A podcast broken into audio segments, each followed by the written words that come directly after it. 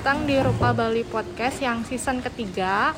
Aku Pena dan juga Mita sebagai hostnya. Kami uh, hari ini berada di titik dua Ubud bersama perwakilan dari seniman Neo Pitamaha. Mungkin yang pertama bisa dijelasin nanti sebagai perwakilan perkenalan dulu. Setelah itu uh, kami ingin mengetahui bagaimana asal usul dari Neo Pitamaha tersebut. Oke. Uh, selamat sore, terima kasih kita diajak Rupa Bali Podcast ya. Terima kasih banyak. Ada saya Kemal Ezedin, kemudian ada uh, Wayan Mandiasa sama Ketut Sumadi. Uh, sebetulnya kita uh, ada 11 seniman, cuman nggak semuanya bisa datang. Uh, jadi perwakilan aja. Uh, terus tadi apa ya pertanyaannya? Uh, Tentang uh, tentang asal usul dari Neo Pitamaha. Oh ya. Jadi Neo Pitamaha itu gara-garanya tahun berapa ya? Bali Art Society itu tahun berapa ya? 2011. 2011 tuh ada di sini namanya Bali Art Society. Mereka bikin event namanya Bali Art Fair. Itu pameran di Tony Raka sama Maha Art. Dan di Tony Raka itu ada satu pameran. Waktu kita masuk tuh di tengah tuh ada karya Pak Wianta, yang kanan itu ka- karya tradisi ikut juga nggak ya Nggak. si si itu ya ikut ya Hah? Eh, Mandiasa ikut Udah nanya siapa? Eh, eh Mudana Yasa ikut Lu, lu ikut yang di sini. sini kan iya Ya, ikut ya ya, yang sebelah kiri itu coraknya lebih kontemporer gitu Ah. kontemporer kayak di Jakarta atau Jawa jadi beda banget gitu. Hmm.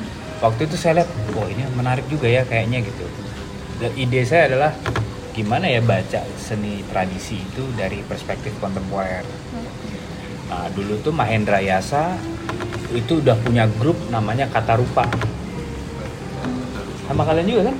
Mereka nggak ingat? Nggak, ya? Beda Kata ya. Rupa, Kata ya. Rupa tuh adalah anak-anak. Oh, Semang Bali saya juga nggak kenal sih. Tapi ide itu yang bikin saya untuk Pak saya coba hubungi Mahendra Yasa. Terus saya ke rumah dia eh ke studio dia Eh, saya kepikiran tentang tertarik soal ini gitu.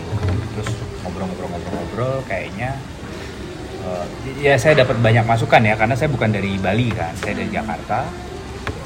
Eh, karena latar belakang saya itu juga produser. Jadi saya oh ini bisa digini bisa gini mungkin bisa gini. Selama pulang tuh mikirin itu bisa gini. Akhirnya sampai rumah saya bikin skema kira-kira eh, kita mau jalannya kayak gimana waktu itu belum ada namanya. Kita kira mau jalannya mau gimana? Kita butuh berapa orang siapa aja mau kita ajak. Akhirnya waktu itu kita ajak Helmi ada Helmi itu sekretarisnya Bali Art Society dulu Tang Adimawan Mahendra Yasa. Tadinya bertiga ini tadinya sama saya berempat. Kita ngobrol-ngobrol-ngobrol. Oh sorry. Mahendra Yasa ngajak Ketut Moniarta. Kita ngobrol-ngobrol sudah ya sepakat. 2014 kita ngajak-ngajak mereka Iya. juga ngajak-ngajak mereka yang mereka kan basisnya memang pelaku lukis tradisi.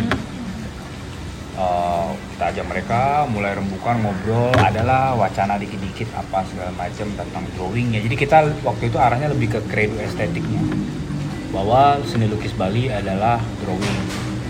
Eh, lukisan Bali adalah seni lukisan yang dibuat dengan teknik drawing gitu. jadi itu upaya-upaya untuk eh, masukin seni tradisi dalam perspektif seni kontemporer waktu itu. Jadi kita berangkatnya dari credo estetiknya. Jadi drawing tuh utama. Nah itu yang coba kita dorong. Akhir sisanya terserah. Teman-teman mau eksplorasi di mana tapi itu yang jadi utama. Terus kita deklarasi lah 29 Januari 2014 di rumah saya. Iya. ya, ya kan? Di di, New di New Kuning, Kuning waktu itu kita deklarasi. Dan saya waktu itu Hendra saran namanya Neo Pitamaha. Jadi yang ngasih nama waktu itu Hendra Neo Pitamaha. Ya saya ikut aja. Karena buat saya itu nggak penting namanya. Yang penting ini movementnya jalan apa enggak. Jadi dalam mindset saya waktu itu movement ngajak berapa orang kolaborasi dari awal udah situ pikiran saya. Jadi ngikut dulu ngikut terus, terus lama-lama belajar belajar belajar ya udah kita jalan akhirnya terus kita bikin beberapa ikut di beberapa pameran ya. Waktu itu Arjok itu mengundang Mahendra Yasa. Tapi Mahendra Yasa udah pakai Neo Pitamaha aja dirubah. Mahendra Yasa mau ikut tapi asal diganti aja jadi Neo Pitamaha akhirnya kita rame-rame itu. Masuk di Arjok gitu pameran di situ. Terus kita waktu itu kita coba wacananya ngadu wacananya. Wacana kita nih bener apa enggak ya? Kan kita kita bukan researcher kita seniman kan. Tapi kita kan menganalisa visual menganalisa eh, apa seninya itu menganalisa seni lukis Bali-nya gitu. Akhirnya kita coba ke Bandung. Bandung kan tuh kandangnya kurator. Kita uji aja di sana kandang kurator. Ya ada di bantai dikit ada. Cuman memang dari sana mereka tuh memang ada ada mungkin ya ada sepakat lah bahwa memang Bali tuh kuat di tradisinya dibanding daerah lain. Perilaku apa eh, tradisi gambarnya keseniannya patung segala macam tuh kuat banget dibanding di Jawa mah udah nggak ada. Jadi memang harusnya didorong didorong untuk muncul di seni kontemporer. Bentuknya gimana kita juga belum tahu waktu itu gitu. Tapi wacana bahwa drawing credo estetik itu ya dapat support dari para kurator. Cuman kritiknya waktu itu Pitamaha itu kan hampir 150 orang gitu. Kalau kebaruan dari kalian Neo itu cuman berempat masa lu mau ngelawan yang dulu itu gimana caranya? Itu pertanyaannya waktu tapi intinya oke lah kita tambah pede kan maksudnya wah ini kita kita oke lah gitu kan. Ngadu konsep itu nah waktu itu kita memang niatnya memang nggak pernah mau pameran di Bali. Karena kita mau besar di Jawa. Nanti kalau udah gede baru pulang ke Bali gitu lah rencananya gitu. Karena dulu ada asumsi bahwa hmm, apa eh, mungkin kalau kita di di luar Bali dulu mungkin baru dilihat. Kan Bali kan belum tentu bisa terima kan wacana itu. Mungkin kita harus gerak dulu di Jawa baru kita balik ke sini gitu kan. Eh, ya udah itu bergulir terus sampai 2000 ya naik turun ya. Naik turun ngumpul enggak malah cenderung Iya. banyak enggaknya gitu. Cuman masing-masing sibuk juga. Chandra sibuk saya sibuk Moni sibuk masing-masing. Ini juga pada sibuk sendiri-sendiri gitu. Si Agus juga sibuk ngurusin Hendra gitu kan.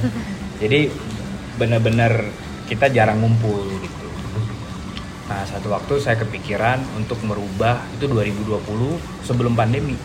Awal Januari Januari gitu. Waktu itu saya mikir wah kita ini udah udah hampir tujuh tahun nggak ada kemunculan baru gitu loh. Apa hal yang baru ya? Terus waktu itu saya WhatsApp ke Hendra eh ngumpul lagi yuk coba kita bikin dorong lagi wacananya. Cuman ide saya waktu itu kita jangan jadi grup lagi jadi kita udah punya banyak wacana. Kita udah banyak apa siar nama Neo Pitamaha di Jawa di scene seni kontemporer di Jawa. Kayaknya apa yang kita punya kayaknya mesti kita buka kita share gitu. Hendra tuh kayaknya waktu itu lagi ada masalah mungkin ada masalah mungkin masalah pribadi saya nggak tahu ya. Tapi waktu itu mungkin dia nggak baca maksud saya gitu. Dia waktu itu milih mundur. Ah, saya nggak bisa grup-grupan lagi karena ya dia ada ada situasi yang nggak memungkinkan untuk uh, di grup gitu. Saya bilang ya udah kalau mungkin kalau kamu suatu saat kamu mau ikut lagi silahkan gitu saya bilang. Ya kita ngumpul ya di warung saya waktu itu kita ngumpul berapa orang. Ada ada Wayan Ketut Dodit Artawan Devi Ferdianto Jo. Eh Wayan nggak datang ya? Datang. Ketut aja ya? Ketut, ya. Jo, saya, ada teman saya Dedi namanya. Yuk kita bikin yuk. Waktu itu temanya soal seni lukis Bali sama print making. Karena Devi Ferdianto itu kan print master. Ah, saya mau coba-coba mungkin sebetulnya dulu kita saya Hendra Moni sempat berpikir mungkin nggak ya print making itu masuk di di bagian dari eksplorasi seni lukis Bali gitu. Ah itu coba kita pikirin gitu. Nah waktu ngumpul itu udah ngobrol-ngobrol apa segala macam, yuk kita bikin sesuatu gitu. Salah satu yang keluar tuh drawing now di Sika. Ya kan ikut kan? Kita bikin pameran drawing now, tapi itu nggak nggak Neo Pitamaha gitu nggak. karena saya mulai ini mulai memikirkan bahwa Neopitama itu sebagai konsep bukan nama kelompok konsep jadi Neopitama di jiwa gitu. Jadi bawaannya tuh berusaha mencari kebaruan mencari eksplorasi mencari ini gitu. Tapi di situ saya juga ada keraguan soal misalnya ini misalnya mereka gitu. Mereka mengeksplorasi terlalu jauh misalnya. Terus mereka meninggalkan yang yang biasa mereka lakuin yang sudah mentradisi gitu. Itu nggak bagus juga ya gitu. Karena yang yang yang seolah-olah yang kontemporer itu lebih baik dari yang dulu. Gitu makanya waktu itu saya mikirin mungkin kita harus munculin yang karakter lebih konservasi sama eksplorasi. Cuman pas nongol itu juga tambah berat. Konservasi ini kan sulit ya. Biasanya negara yang pegang. Karena dia harus mengkonservasi sekian banyak mazhab kalau Iya. misalnya konteksnya seni lukis Bali sekian banyak mazhab yang dikonservasi supaya tetap ada jadi tetap tradisi aja terus nggak apa-apa terus dia harus mengeksplorasi material kebanyakan seni lukis tradisi itu kan udah pindah material sebetulnya yang tadinya pakai natural color jadi pakai eh, Akrilik. akrilik atau minyak. Nah, minyak juga tradisi sih di barat. Cuman di sini kan water base waktu minyak datang dari Jawa itu material modern disebutnya itu. Nah, jadi sebetulnya lebih ke gimana ya tradisi ini terkonservasi, dia lestari itu bisa sam dan ini tuh harus komunal jadi banjar-banjar tetap melukis atau yang di pematung di Nyokuning tetap ada gitu kan. Tapi kalau mikirin ini kayaknya nggak sanggup deh gitu agak susah. Eksplorasi jauh lebih mudah karena bisa sifatnya individu. Kayak saya melihat lukisan Bali saya ambil ininya aja bagian ini saya bahas lebih deep lebih dalam jadi karya saya. Jadi apa yang harusnya apa yang terkonservasi atau yang jadi lestari itu jadi pengetahuan untuk yang mengeksplorasi. Itu tadi sih. Pengennya gitu gitu. Eh, tapi yang yang waktu itu nggak terlalu berhasil juga kan? Nggak kita nggak nggak terlalu bisa gerak gitu. Tahun lalu tapi saya udah tetap ini ya tetap ini ini konsep. Yang pertama tuh konsep bukan grup konsep. Tahun lalu saya coba. Pertama yang gue ajak dulu ya ya sebetulnya ya. Army untuk bantuin dong untuk manage gitu. Oh. pamerannya Army. Terus teman-teman yang yang pasti ya masih Neopitamaha yang grup tuh Wayan, Ketut, Agus, saya. Moniarta. Moniarta juga saya ajak kok tapi dia sibuk jadi dia nggak bisa ikut. Terus saya persuasi juga ke beberapa seniman yang sebelumnya keberatan juga kalau mau ikut grup. Tapi saya bilang nggak kita nggak grup kita mau coba share apa yang pernah saya tahu. Mungkin kita punya jalan ketemu gitu. Dia punya pasti kan senimannya punya pengetahuan saya juga punya pengetahuan ketemunya di mana gitu. Jadi saya berusaha dorong itu jadi konsepnya lebih ke kolaboratif supaya nanti muncul knowledge baru. Eh, kenapa? Karena kalau lukisan Bali zaman dulu itu kan sebetulnya drive-nya ya Pitamaha drive-nya kan kolonial drive. Eh, ya ada kearifan lokal ya ada. Tapi untuk menjadi semi lembaga gitu ya semi kelompok atau sanggar itu ada drive eh, kolonial. Dan yang dijual kita bisa lihatlah gambar-gambarnya misalnya gitu. Yang dijual memang cenderung ke eksotisme konteks hari ini nggak bisa dong. Eksotisme itu udah nggak bisa. Mungkin bentuknya baru. Di sini ya Bali sebagai wilayah turis. Alamnya bagus ya, ya lebih ke sana. Tapi kalau seninya lebih baik dia berubah menjadi pengetahuan. Jadi pada saat saya mau mengetahui tentang seni tradisi sifatnya tuh saya pengen tahu ini sebuah pengetahuan lokal yang saya bisa pelajari. Jadi perubahan itu juga penting nah itu yang kita sepakat. 11 seniman yang ini kita dari tahun lalu diskusi apa bikin kira-kira arahnya ke mana. Sepakat untuk ayo deh akhirnya bikin pameran ini. Jadi Neopitamaha itu jadinya konsep. Dengan di dalamnya ada ini ada ini A B C D E. Persyarat lah guideline ya guideline kita kita kita mainnya di sini sini kalau ada yang baru oh kita bisa masukin lagi itu nggak apa-apa. Bahkan nama Neo Pitamaha hilang juga nggak apa-apa. Misalnya namanya jadi Sigar Mangsi misalnya. Misalnya gitu. Itu no problem karena bukan nama ya. Gitu tapi konsep besar bahwa ada paradigma yang ber- bergeser paradigma yang berubah. Uh, itu yang mesti di kita cari gitu. yang sama kenapa sih kita harus rubah paradigmanya? Karena kan se- seni lukis tradisi itu mengalami puncaknya terus turun. Pas udah saat turun masuk golongan akademik. Sanggar Dewata gitu tahun 70-an masuk golongan akademik. Terus bergulir yang ini kedorong jadi kerajinan yang ini jadi seni yang tinggi. Jadi fine art nih yang SDI akhirnya ada gap jauh. Sampai hari ini ada gap jauh. Yang ini punya komunitas sendiri ini punya komunitas sendiri. Yang ini dibilang kerajinan yang ini bilang seni jadi kan ada gap. Karena di era itu ya seni itu ya berwacana konsep yang gitu. Yang yang otodidak itu kan nggak makan itu. Mereka nggak makan wacana nggak menga- mengalami eh, apa pendidikan seni kan nggak ngalamin itu. Jadi mereka berkesenian karena dorongan dirinya dan lingkungannya. Kalau ini ya teori-teori sekolah gitu. Nah paradigma yang berusaha digeser tuh gimana ya kira-kira deketin?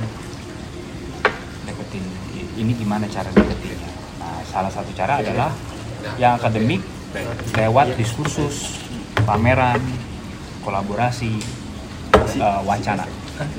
Yang yang eh, tradisi lebih ke praksis.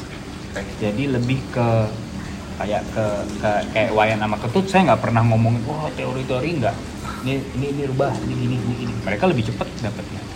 Gitu. Tapi kalau yang kayak Agus saya bisa Gus ini tuh komposisi ya bisa ngomong tuh kalau saya jadi memang harus ada pendekatan yang berbeda.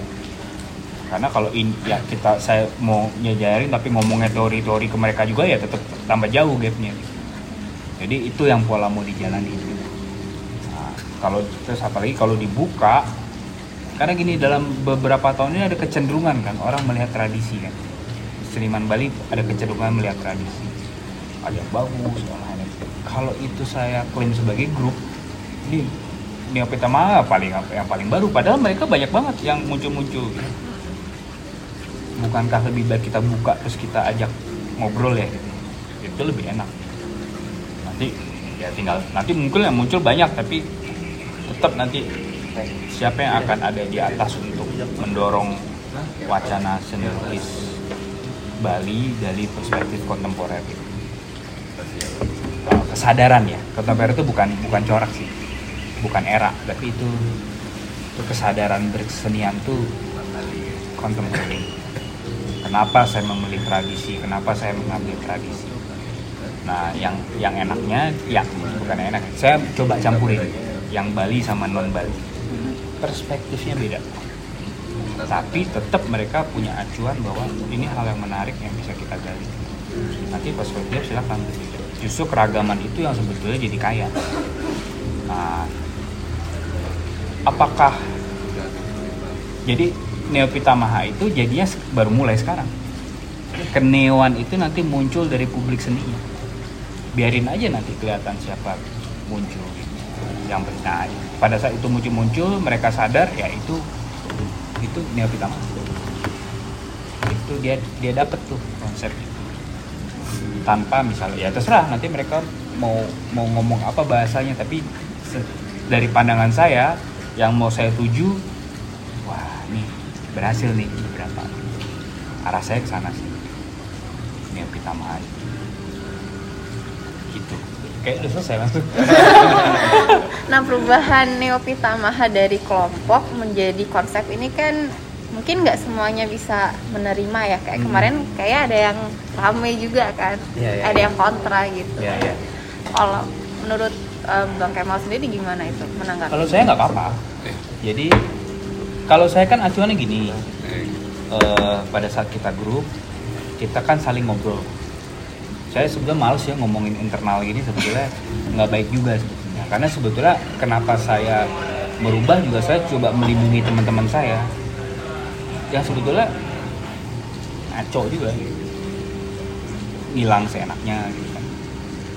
Nggak nggak nggak. Komitmennya sudah Komitmennya udah nggak ada, dulu. udah beda gitu. Karena mungkin urusan pribadi berapa tapi kan ini, ini salah juga sih ngomongin. Saya tuh mau lindungi itu. Karena ada hal-hal yang mungkin sifatnya pribadi yang kita nggak bisa ikutan kan? Itu kan pilihan dia gitu. Eh, waktu saya ajak sebetulnya Mahendra ya kayak Mahendra Yasa misalnya. Saya ajak dia milih mundur. Karena alasan pribadi. Itu kan kita nggak bisa apa-apa. Biarin aja gitu. tapi kan saya jalan terus. Moni Harta cenderung vakum sedangkan waktu saya bilang saya ngajak dia itu saya udah ngomong saya mau merubah gini gini gini gini tapi pilihan dia mundur. Nah, kalau grup sendirian tuh kan lucu ya. Masa grup sendirian gitu kan? Kan lucu. Kalau Tang Adimawan memang dia berhasil di bidang advokatnya. Dia kan emang sekarang lawyer bagus dia sukses. Ngapain dia ke berkesenian lagi? Profesinya udah pilihannya itu. Nah, sebenarnya sebenarnya sebenarnya cenderung jadinya saya sama Moniarta. Se- setelah Maret 2020 tuh saya Moniarta Wayan Ketut Agus. Eh, tapi sorry memang yang banyak mikir gue sama Hendra sama Moni. Waktu merubah itu iya memang itu pikiran saya. Karena biar kontekstual menurut saya biar kontekstual. Karena ngeliat kecenderungan kan skena scene seninya lagi kayak gitu jadi lebih baik dirubah dibentuk karena skena seninya ingin memunculkan itu. Keinginan scene Bali gitu. Itu yang yang mungkin lebih lebih lebih efektif gitu dan kontekstual. Banyak loh. Banyak yang sangat neo gitu sebetulnya gitu. Uh, akan lebih bagus kalau kita bisa share kayak pengetahuan saya eh kamu tuh batuan loh tapi saya punya usul gimana kalau ini ini, ini karena itu relate sama karya yang gini-gini wacana seni yang ini gitu. akhirnya dia jadi punya knowledge baru kan tentang apa yang sedang dia lakukan. Pada saat dia tahu itu dia sadar. Kontemporer. Pada dia sadar melakukan apa itu dia kontemporer. Jadi saya ingin melengkapi gitu fungsi-fungsi konsep itu untuk melengkapi mereka-mereka yang cenderung ada kecenderungan neo. Nah, saya lebih arahnya lebih ke sana cuman memang hmm, pas kita lagi jalan tiba-tiba dia eh, Mahendra Esa tiba-tiba balik lagi gitu ya. Saya udah mundur balik lagi eh nggak bubar gitu. Nah, tapi saya udah bicara sama dia. Saya bilang "Eh, kalau mau terusin nggak apa-apa bagus. Ya sih? Bisa silakan aja. Nanti karena saya udah nggak berpikir punya nama kalau saya jadi saya nggak berpikir punya nama Neo Pitamaha itu nggak udah nggak nggak udah bukan konteks hari ini. Nah, kalau Mahendra Yasa masih berpikir Neo Pitamaha itu harus tetap sebagai nama yang ada silahkan nggak akan saya larang lah itu mah hak dia juga apalagi kita sama-sama nggak punya hak cipta kan. Secara paten gitu kan didaftarkan nama itu kan nggak sama-sama nggak punya. Mungkin malah kuri lukisan lebih punya Pitamaha Royal Pitamaha gitu mungkin mereka lebih punya ya itu itu lumayan bahaya ya kalau ter akhirnya yang bisa dipakai cuma nama Neo-nya aja yang jangan. Tapi buat saya ya oke lah silakan itu. Gitu saya nggak masalah mereka jalan juga masalah. Kita juga sejak awal juga waktu pameran ini dibikin kita sepakat memang kita bukan kelompok. Kita adalah kumpulan seniman yang coba berdiskusi eh, menganalisa sebetulnya kecenderungan hari ini tuh kayak gimana itu yang coba. Makanya kita coba yang yang seni yang basic ya. Painting printmaking sculpture. Perluasan bisa video bisa instalasi. Wah bisa bisa luas banget bisa digital art juga mungkin bisa gitu kan. Nah, itu itu yang coba kita perluas gitu, kita gali. Nah niat saya lebih ke movement besar. Ini dorongan dari eh, eh, apa konteks Bali hari ini nah dan kita melihat upaya-upaya teman-teman lain yang membentuk satu kelompok mungkin atau komunitas yang kira-kira pikirannya mirip gitu. Kayak bisa Gurat, dia membuat riset gitu kan, membuat riset tentang apa pun. Misalnya penulis itu kan kadang-kadang melaporkan apa yang ditemukan. seniman tuh membaca tulisan dia bisa mengambil untung untuk ke depan gitu jadi harus bersi itu kalau bersinergi bagus. Itu yang yang sebetulnya bisa kayak pigmen gurat lagi eksperimen pigmen sebenarnya kita juga lagi eksperimen pigmen termasuk kertas juga. Tapi kalau eksperimen pigmen akhirnya cuma jadi knowledge bahwa warna natural tuh dari ini ini ini ini ini. Tutup selesai ngapain? Lebih baik oke ini warna natural tapi kalau kita punya knowledge baru tentang warna bisa apa aja terus kita bisa masukin teknologi gitu misalnya. Jadi warna merah gincu itu mungkin punya berapa varian kalau ditarik. Kenapa? Karena kita menguasai teknologinya cara bikinnya. Mengekspansi gincu itu jadi lebih banyak range warnanya gitu. Itu itu kita perlu dan itu ya. Kayak misalnya gini untuk untuk ngegiling apa da, apa pewarna gitu ya. Kalau digini kan lama banget. lama mending blender. Kita punya blender heavy duty blender terus ngaduknya pakai magnetic magnet steering gitu. Jadi bener-bener dapet pigmennya pupuk itu kan knowledge plus teknologi. Nah itu yang sebetulnya tradisi itu bisa dimasukin itu. Jadi bukan cuma sekedar berhenti oh itu tradisi kita tahu akan lebih baik itu tradisi kita tahu dia mungkin nggak ya kita eksplor lagi. Sebenarnya tradisi juga sebuah pengetahuan kan? Ya uh-uh. makanya tadi knowledge itu. warna mengapa yang dipakai hijau bukan bukan yang lain. Itu kan sebenarnya ada pengetahuan di situ. Jadi nah dengan kemajuan atau informasi sekarang yang ada ya bagaimana tetap terus dikembangkan. Itu sih tujuan kita kalau eksplorasi ya individu aja. Dari apa yang di yang yang dari tradisi itu masuk knowledge baru pemahaman udah nggak eksotisme. Ini adalah pengetahuan. Secara individu melihat itu wah ini bagus ya mungkin ngomongin warna. Aja bisa warna dibikin di jadi karya gitu ya. Merah kuning hijau di box boxing itu udah jadi karya. Konteksnya warna paling simple ya. Atau video art misalnya kan lukisan kamasan itu kan sequence. Kayak relief gitu loh. Orangnya tuh berulang munculnya gitu. Itu kalau ngomongin sequence itu agak deket sama video. Kan solo painting kan panjang ya. Kan kita jalan geser untuk cerita. Video sama kan? Itu kan kumpul kum- kalau kita ngedit video itu kan kumpulan detik sebetulnya. Ya sih? Dari titik nol sampai ke menit kedua misalnya. Itu kan sequence juga nah itu ada kedekatan. Nah, kalau mau dibikin video art bisa. Karena material video itu mirip sama either-either. Dalam konteks sequence. Material mediumnya aja beda. Bisa gitu. Itu kan maksudnya knowledge kan? Contemporary itu bisa melihat tradisi bisa sampai ke sana. Itu kan banyak. Teman-teman banyak banget yang tahu soal macem-macem ya. Iya. latar-latar mereka tertarik apa itu. Nah itu eksplorasi itu bagusnya di situ Kenapa sih bisa balik lagi ke melihat tradisi itu dari Bang Kema kan sebelumnya pernah lihat bahwa pernah ada tuh di Art Bali ada new abstrak. Waktu itu kan udah kontemporer banget. Pada akhirnya di eh, art Bali Iya. yang nu abstrak nu abstrak Pada, oh no abstrak pada ya akhirnya eh, bisa balik ke Neo Pitamaha kembali hari ini gitu. Jadi Oh. bagaimana itu perjalanannya? no abstrak tuh paralel sama Neo Pitamaha jadi waktu kita lagi jalanin uh, Neo Pitamaha itu kita waktu itu kan juga politik Indonesia lagi keras ya. Politik identitas itu kan keras. Soal soal kan masuk juga paham-paham anti figur.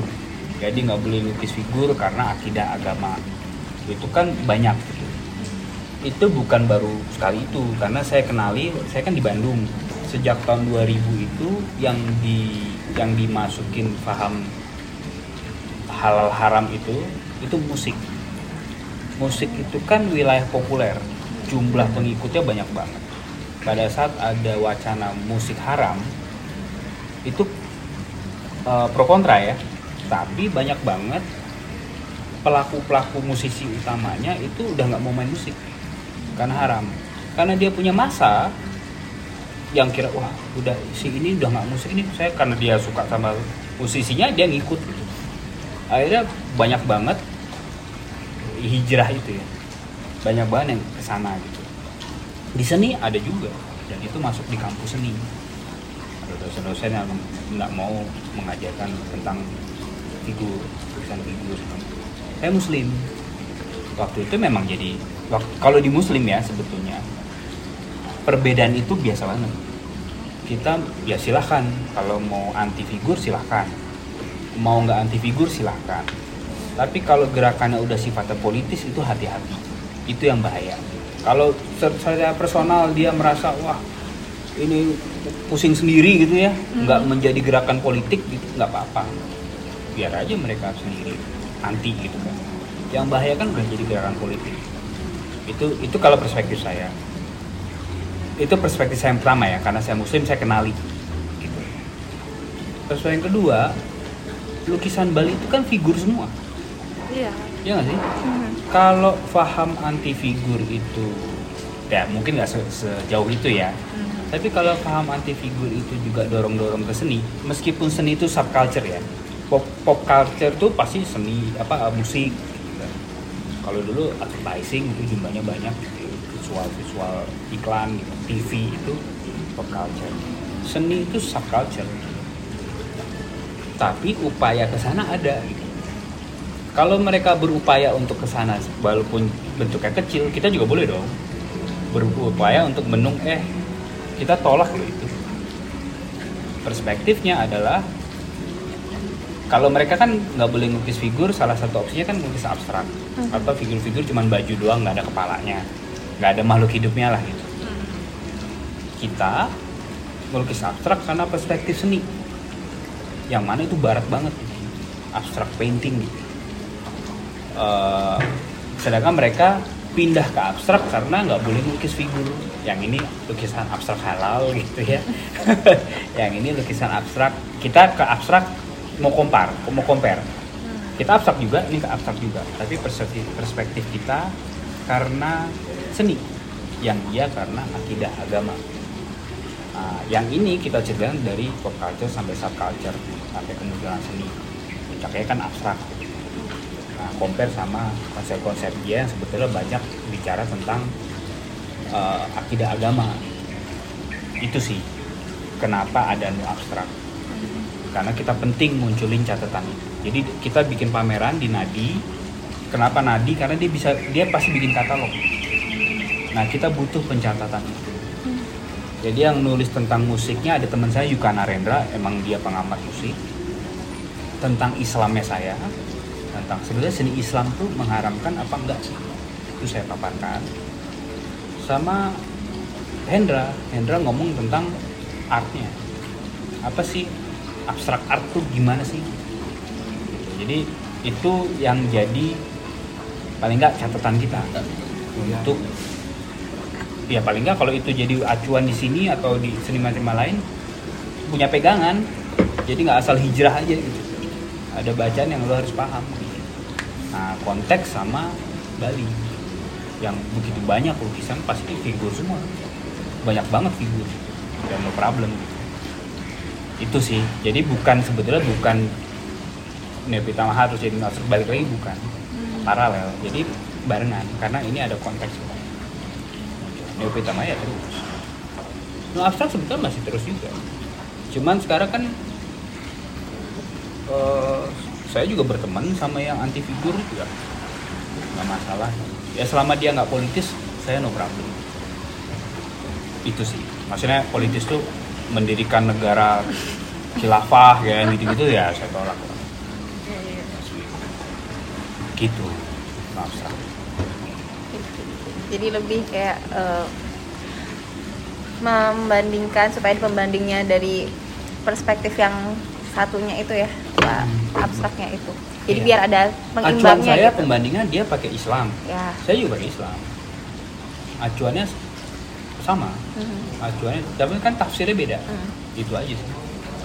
Kalau tafsirnya cuma dia doang nggak ada komparasi dia dia Jadi benar. benar, ya. iya cuma- juga. karena di Islam itu kalau kalau pembahasan ulama itu pasti beda pendapat. Kalau yang orang emang ngaji emang ngaji itu nggak cuma baca gitu nggak cuman paham. Ya sejarah ya hukumnya. Kalau paham kita tahu semua ulama itu yang yang mencatatkan tentang Islam itu beda pendapat semua. Boleh ikut yang mana aja. Silakan. Gitu asal jangan ngaco ya maksudnya ikut aliran sesat itu ya enggak kita. Cuma beberapa ulama yang muncul itu memang mereka diakui sebagai eh, scholar gitu emang emang emang peneliti emang emang mereka gitu. Cuman mereka beda pendapat tentang sesuatu. Itu sih. Jadi kalau nggak ada nggak terlalu kalau yang ngerti nggak terlalu problem. Yang problem kan ini yang benar nah itu salah. Nah, itu problem. Gitu. Kalau Neo Pitamaha nih balik lagi, what's next gitu? Apa sih setelah ini, setelah pameran ini gitu? Pandangan Eh, ke depannya gimana nih, Bang Kuat? Neo Pitamaha tuh kita kan ada beberapa pameran. Mm-mm. Eh, ki- saya kita berempat ya. Iya. Saya Ketut, Wayan, Agus kita mau ada kolaborasi. Mungkin pamerannya tahun depan baru karena kolaborasi agak agak agak ribet sih. Karena semua gabungin nih. Sebetulnya kita karena kan mereka taksis. Kita mau cari visual baru. Mencoba ya, dan formatnya kolaborasi. Gimana mengkolaps visual wacana baru karena saya sama Agus dari akademik mereka dari praksis sebetulnya kita mau cari gimana sih cara transfer ilmu itu gimana sih nah kolaborasi kita lagi mau bikin Eh, tapi itu bukan di bawah Neo Pitamaha ya. Oh iya. dia itu ya, ini agak ribet sih memang ya.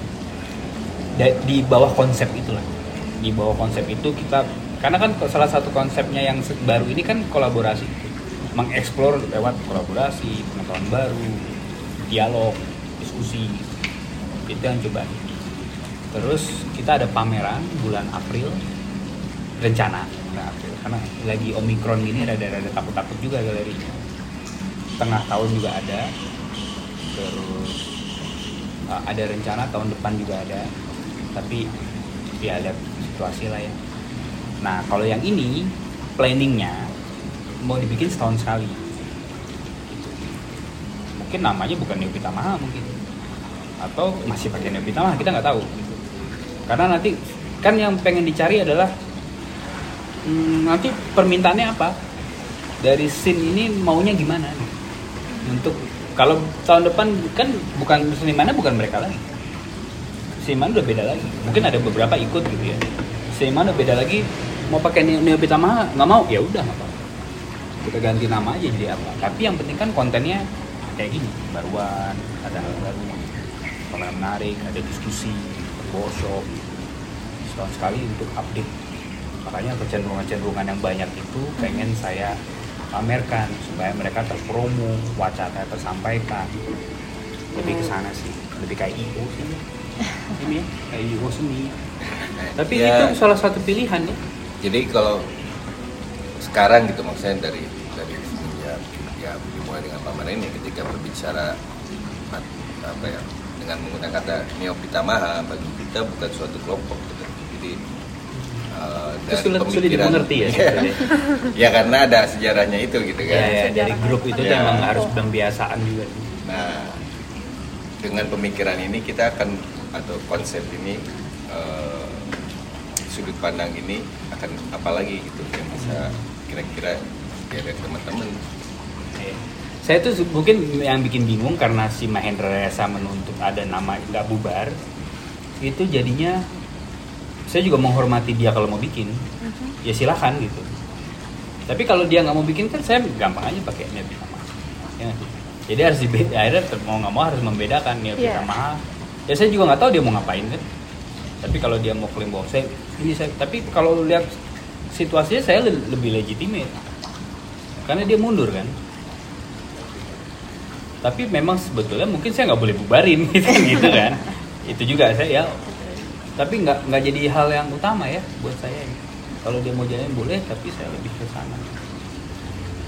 Dan saya juga udah bilang ah saya nggak bisa lagi kalau kelompok-kelompok. Ya dia juga paham ya. Mungkin karena itu sih. Jadi agak susah tuh memilah. Nggak biasa belum biasa. Ya, karena ada Neopitama sebagai kelompok, ada Neopitama sebagai konsep. iya betul.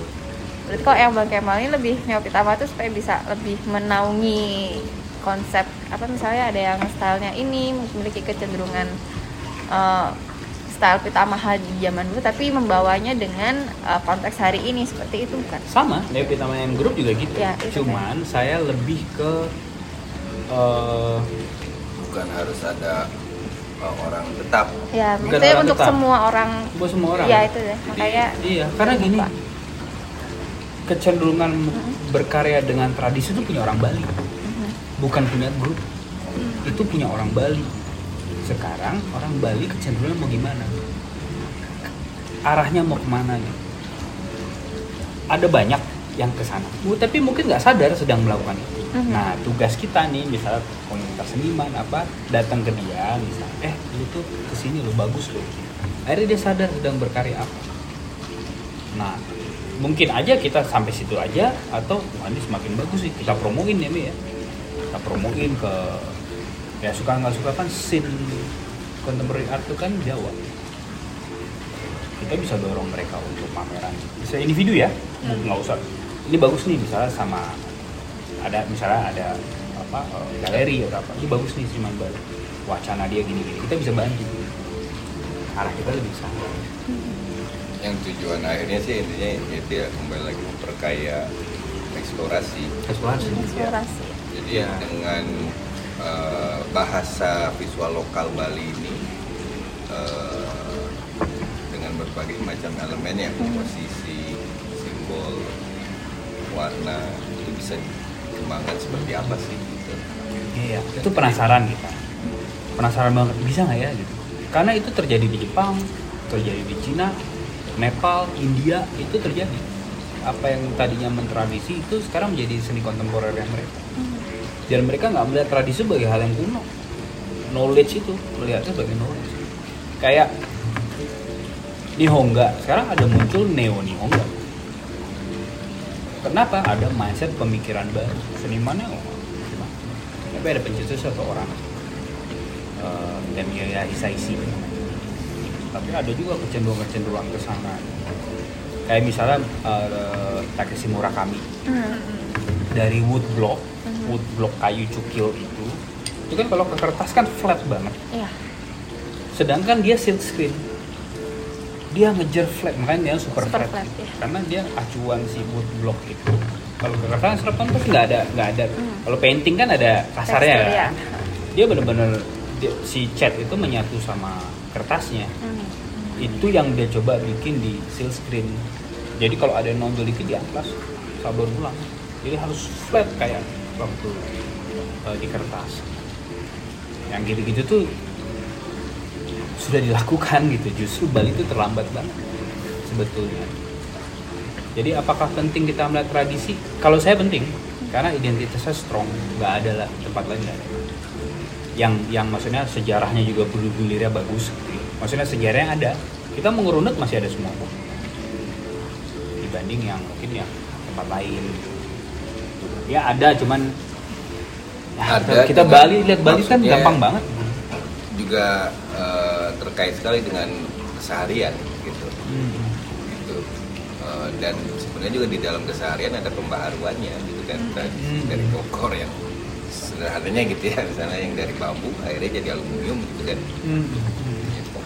Gimana juga perspektif itu di sini bisa diapain jadi paradigma itu si mindset Eksplorasi itu ya. iya. si mindset itu yang kita harus bergeser kan banyak juga tradisi itu kan pakem mengikat kita nggak bebas gitu. Hmm. akhirnya kenapa nggak bebas akhirnya kita nggak bisa melukis abstrak gitu. abstrak membutuhkan kebebasan padahal kalau kita mau ngelihat tradisi sebagai knowledge ya nggak akan terjadi karena dia dia evolutif terus gerak dia. Tradisi itu kan terus gerak sampai hari ini ya Bali dengan ada istiadatnya masih memegang tradisi. Tapi apakah jadi bodoh gitu nggak tahu apa apa kan enggak kan? Orang-orangnya ya tetap pinter. Bisa nyetir mobil gitu kan? Gua udah nggak naik kuda atau sapi lagi kan nggak gitu kan? Iya. ya. Itu beda beda banget gitu. Nah, paradigma itu yang harus di yang sama kayak ya misalnya di apa ya kalau seharian pakaian lah ya pura dulu sama tahun 30-an sama sekarang beda gitu kan. tapi maknanya masih sama nilainya Iya. masih sama gitu. ya boy band banyak yang bubar ya sih tapi musiknya masih terus kan Iya. ya sih digitalize itu kan Spotify juga masih terus gitu. banyak grup-grup bubar tapi wacana seni dia tetap jalan jadi ngapain mempertahankan boy bandnya Nah lebih- ngomongin tadi masalah seniman-seniman itu eh, bagaimana di dalam eh, konsep Neopita Maha ini melihat seniman Bali karakter yang seperti apa bisa didorong ataupun bisa masuk pada akhirnya diulik dalam Neopita Maha itu. ya kalau paradigma dia ada perubahan Mhm. terus terbuka untuk eh, berkolaborasi diskusi bisa mungkin kata sederhananya dia gini kita melihat dengan oh dia kayaknya mencari kemungkinan apa nih dari kemungkinan kemungkinan apa lagi dari visualnya dia kembangkan. Gitu. Memang awalnya kan dari ngelihat aja kita ngeliat dari karya ya mungkin ya. Cuman kalau ketika ya Berut ya. contohnya dengan dengan ini lah dan wayan ya gitu kan. Ngobrol-ngobrol ada gitu. Mereka terbuka atas kemungkinan kemungkinan itu. Batasannya di seni tradisi gitu aja. Tetap ada batasannya supaya nggak terlalu ya luas juga kan kan nanti masuk ke wilayah orang lain juga kita. Tapi batasannya tradisi nah itu yang itu dua itu eksplorasi ekspor sama eks- eh, apa konservasi sama eksplorasi. Sangat bagus kalau seniman muda lulusan isi mau ngambil wilayah konservasi dan bangga nggak semua harus eksplorasi jadi seniman individu. Dia bisa jadi riset di sini. Ya sih? Dia bisa nulis buku di sini. Atau dia tetap melakukan itu tapi knowledge-nya udah baru. Jadi kayak ni nihonga gambar Jepang itu cara lu- or, or apa? Lukisan Jepang. Nihon itu kan Jepang ga itu kan gambar. Itu muda-muda banyak dan itu jadi pilihan dia untuk saya mau ke yang tradisional. Udah pilihan dia dia nggak mau ke yang ini pilihan saya. Kenapa? Karena saya bangga dan ini masih banyak masalah. Terus dia mau coba cari.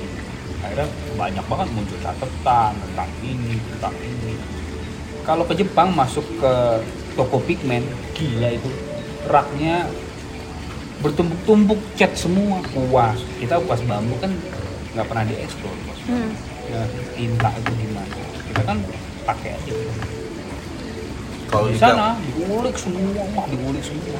Nah itu tuh butuh tuh yang yang ya kayak itu anak muda. Masuk ke situ punya pemikiran baru mencoba untuk merubah bukan merubah ya menambahkan apa yang udah menjadi tradisi menjadi lebih baik. Itu penting banget. Nggak semua harus yang ke eksplorasi. Nah bayangan saya itu itu terjadi bayangan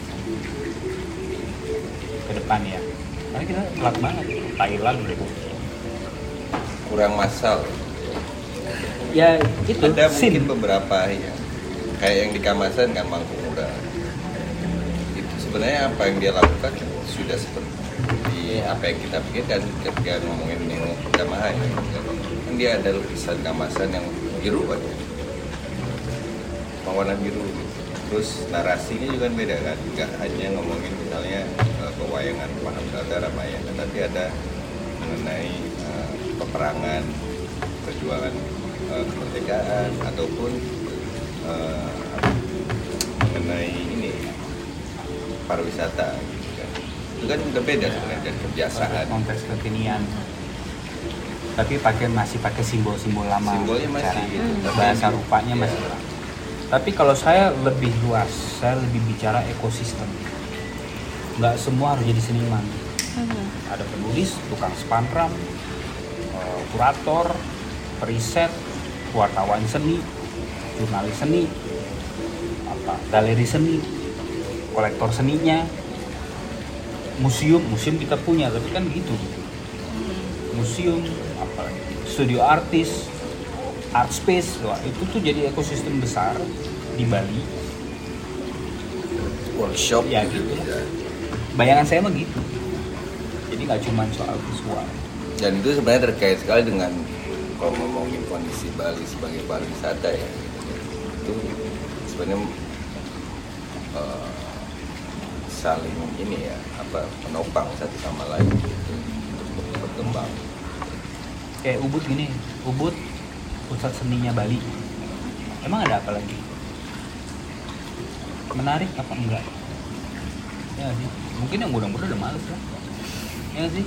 Canggung mereka melihatnya kalau untuk anak-anak muda ya. NFT gitu kan. Justru kan mereka generasi penerus gitu kan. Jadi bukan berarti menarik mereka menjadi konvensional enggak. Cuman makanya bentuknya harus jadi knowledge. Tradisi itu dilihat sebagai knowledge bukan adat istiadat yang ah kuno udah lampau itu penting karena banyak banget ya dan misalnya saya dari Jakarta kita kan banyak banget tercerabut dari budaya kita. Banyak banget. Jadi kalau misalnya ya dia juga dari Jakarta gitu. Misal misalnya kita ngomong bahwa eh, apa sih ketradisian kita nggak merasa untuk harus menjadi tradisi. Emang kita bukan. Kita mah persona individu aja.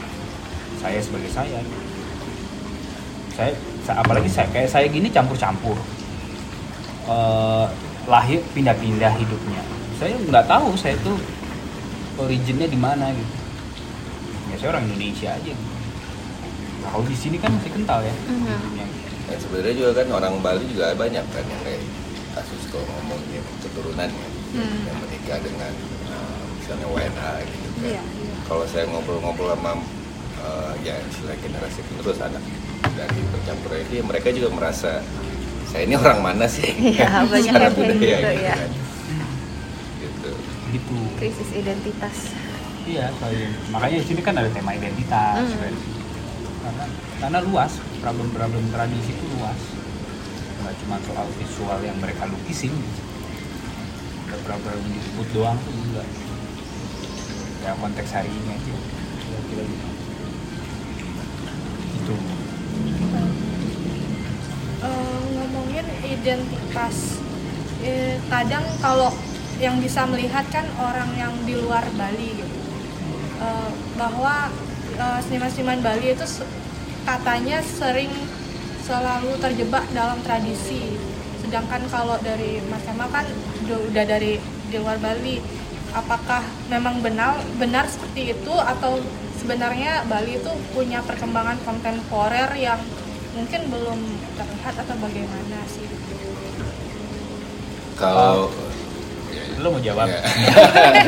Mbak Saru juga boleh.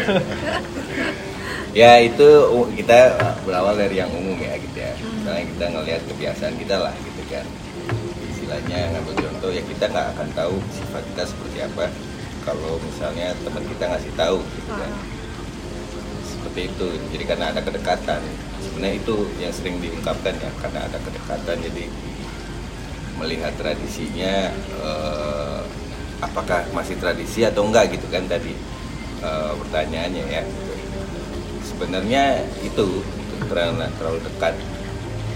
Salah satunya gitu ya contoh dari yang lebarnya. Gitu.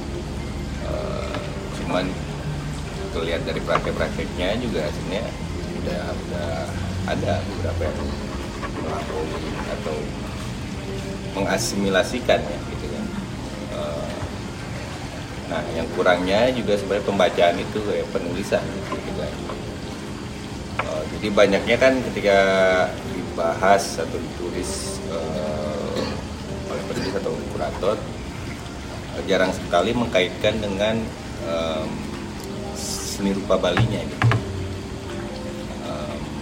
Simbol yang dipakai itu asalnya dari mana dan ketika dilihat di karya misalnya Kamasan seperti apa? Apakah itu dari sana gitu. komposisinya apakah melihat dari batuan gitu? Nah itu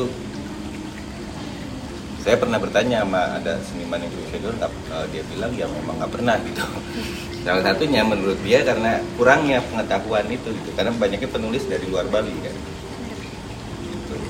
cuman mungkin ya kalau Kemal dengan dan seperti ini ya seniman-seniman SD yang begini ya, dengan background akademis dia bisa melihat oh ini bisa membedakan gitu tapi mereka nggak yang meng- meng- mengkontekskan kan penulis seniman yang hanya berkarya Iya enggak juga sih. ya maksudnya Kalau ya ya gue ngerti ya, maksud ya. Kalau gue gini, gue lebih lebih berimbang ya saya ngelihatnya ya. Kalau gue pendatang pasti berjarak. Karena gue nggak mengalami apa yang kalian alami. Upacara misalnya ya, oh, macam-macam ya. Udah upacara Banjar, ada upacara di eh, apa eh, puranya pura rumah gitu kan. Itu kan udah beda lagi gitu kan. Belum nanti udah upacara besar segala macam. Gue bisa ngerti banget itu tuh cukup mengekang, iya, gue ngerti. Empati, iya. Kemudian karena itu mereka dalam situasi udah ada di dalam itu, kan dilakukan terus menerus. Akhirnya memang nggak bisa melihat eh, segala sesuatu dengan berjarak. Karena kalau di dalam kan, di dalam tuh kan nggak tahu ada apa di dalam rumah. Sedangkan saya melihat dari luar rumah, oh itu rumah jemuran di situ ini, saya bisa bisa lihat. Kalau di dalam kan ya ke jemuran mah ke sana aja udah, udah sirkulasi mereka udah biasa. Jadi, tapi buat saya hmm, yang tadi pengetahuan, knowledge itu penting gitu. Baik yang di dalam rumah, yang ada di dalam, apa itu yang di luar. Buat saya masing-masing punya perspektif yang equal. Perspektif saya pasti akan berbeda sama teman-teman yang Bali yang berkarya dengan konteks kayak kayak Purwo. Purwo ide bagus. Brahmana juga dia punya perspektif simbol-simbol. Itu nggak gua kenalin. Ya nggak sih? Buat kalian kan itu kekurangan saya. Kok lo nggak kenalin gitu kan? Karena di dalam melihatnya itu hal penting. Buat saya itu bukan hal yang penting. Buat saya ya simbol-simbol itu. Karena saya nggak deep masuk ke sana. Empati iya tapi itu bukan kultur saya.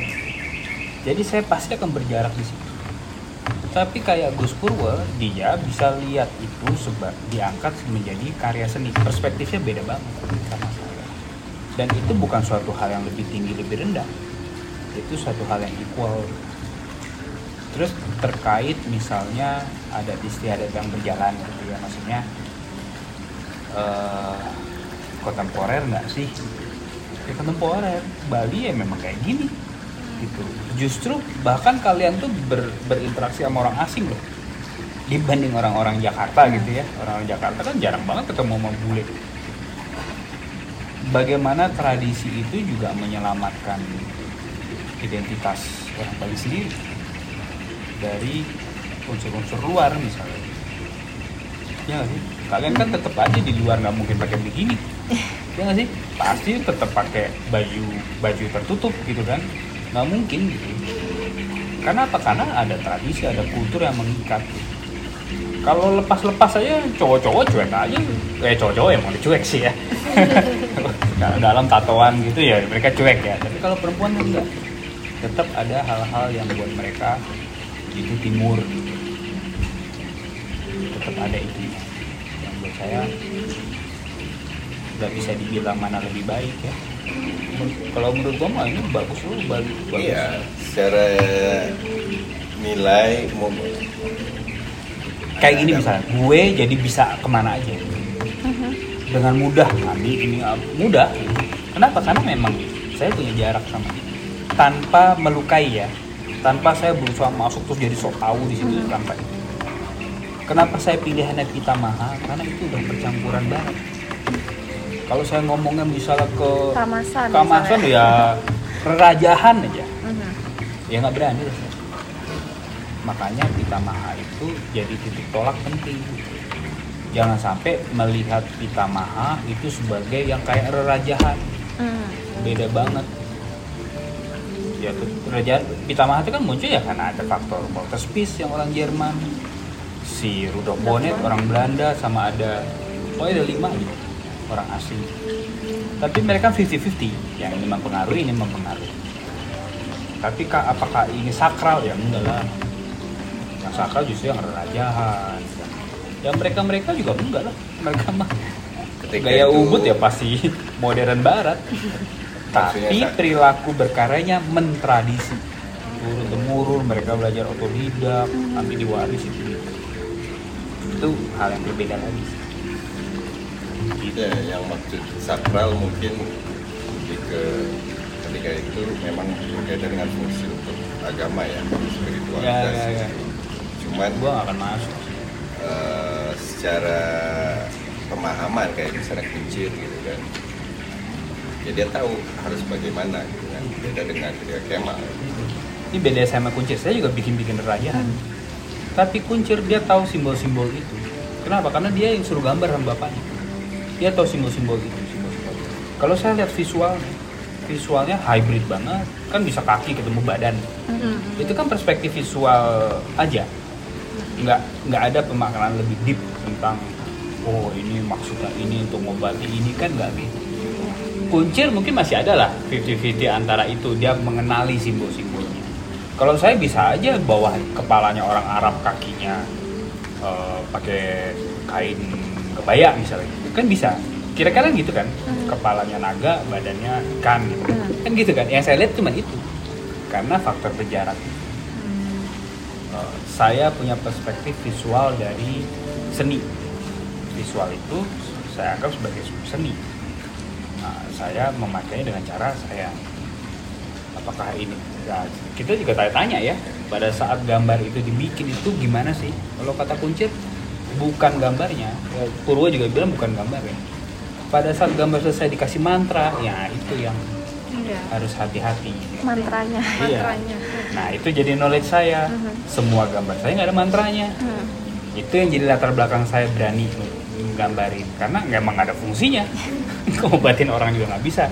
Tapi fungsi seni rupa pada dia pada saat dia digambar masuk ke galeri dia diklaim sebagai karya seni kalau gambar saya dibikin gambar masuk ke pura misalnya terus di, di, dimantrain mungkin dia nggak jadi karya seni nah kesadaran itu yang perlu jadi saya tahu batasan itu sih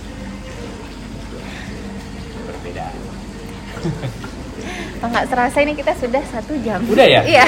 Nah, jadi Iya. terima kasih banyak atas waktunya. Terima banyak waktunya untuk Rupa Bali Podcast. ya Ya, sampai ketemu. Sampai jumpa di season berikutnya. makasih Iya. Terima kasih. Terima kasih banyak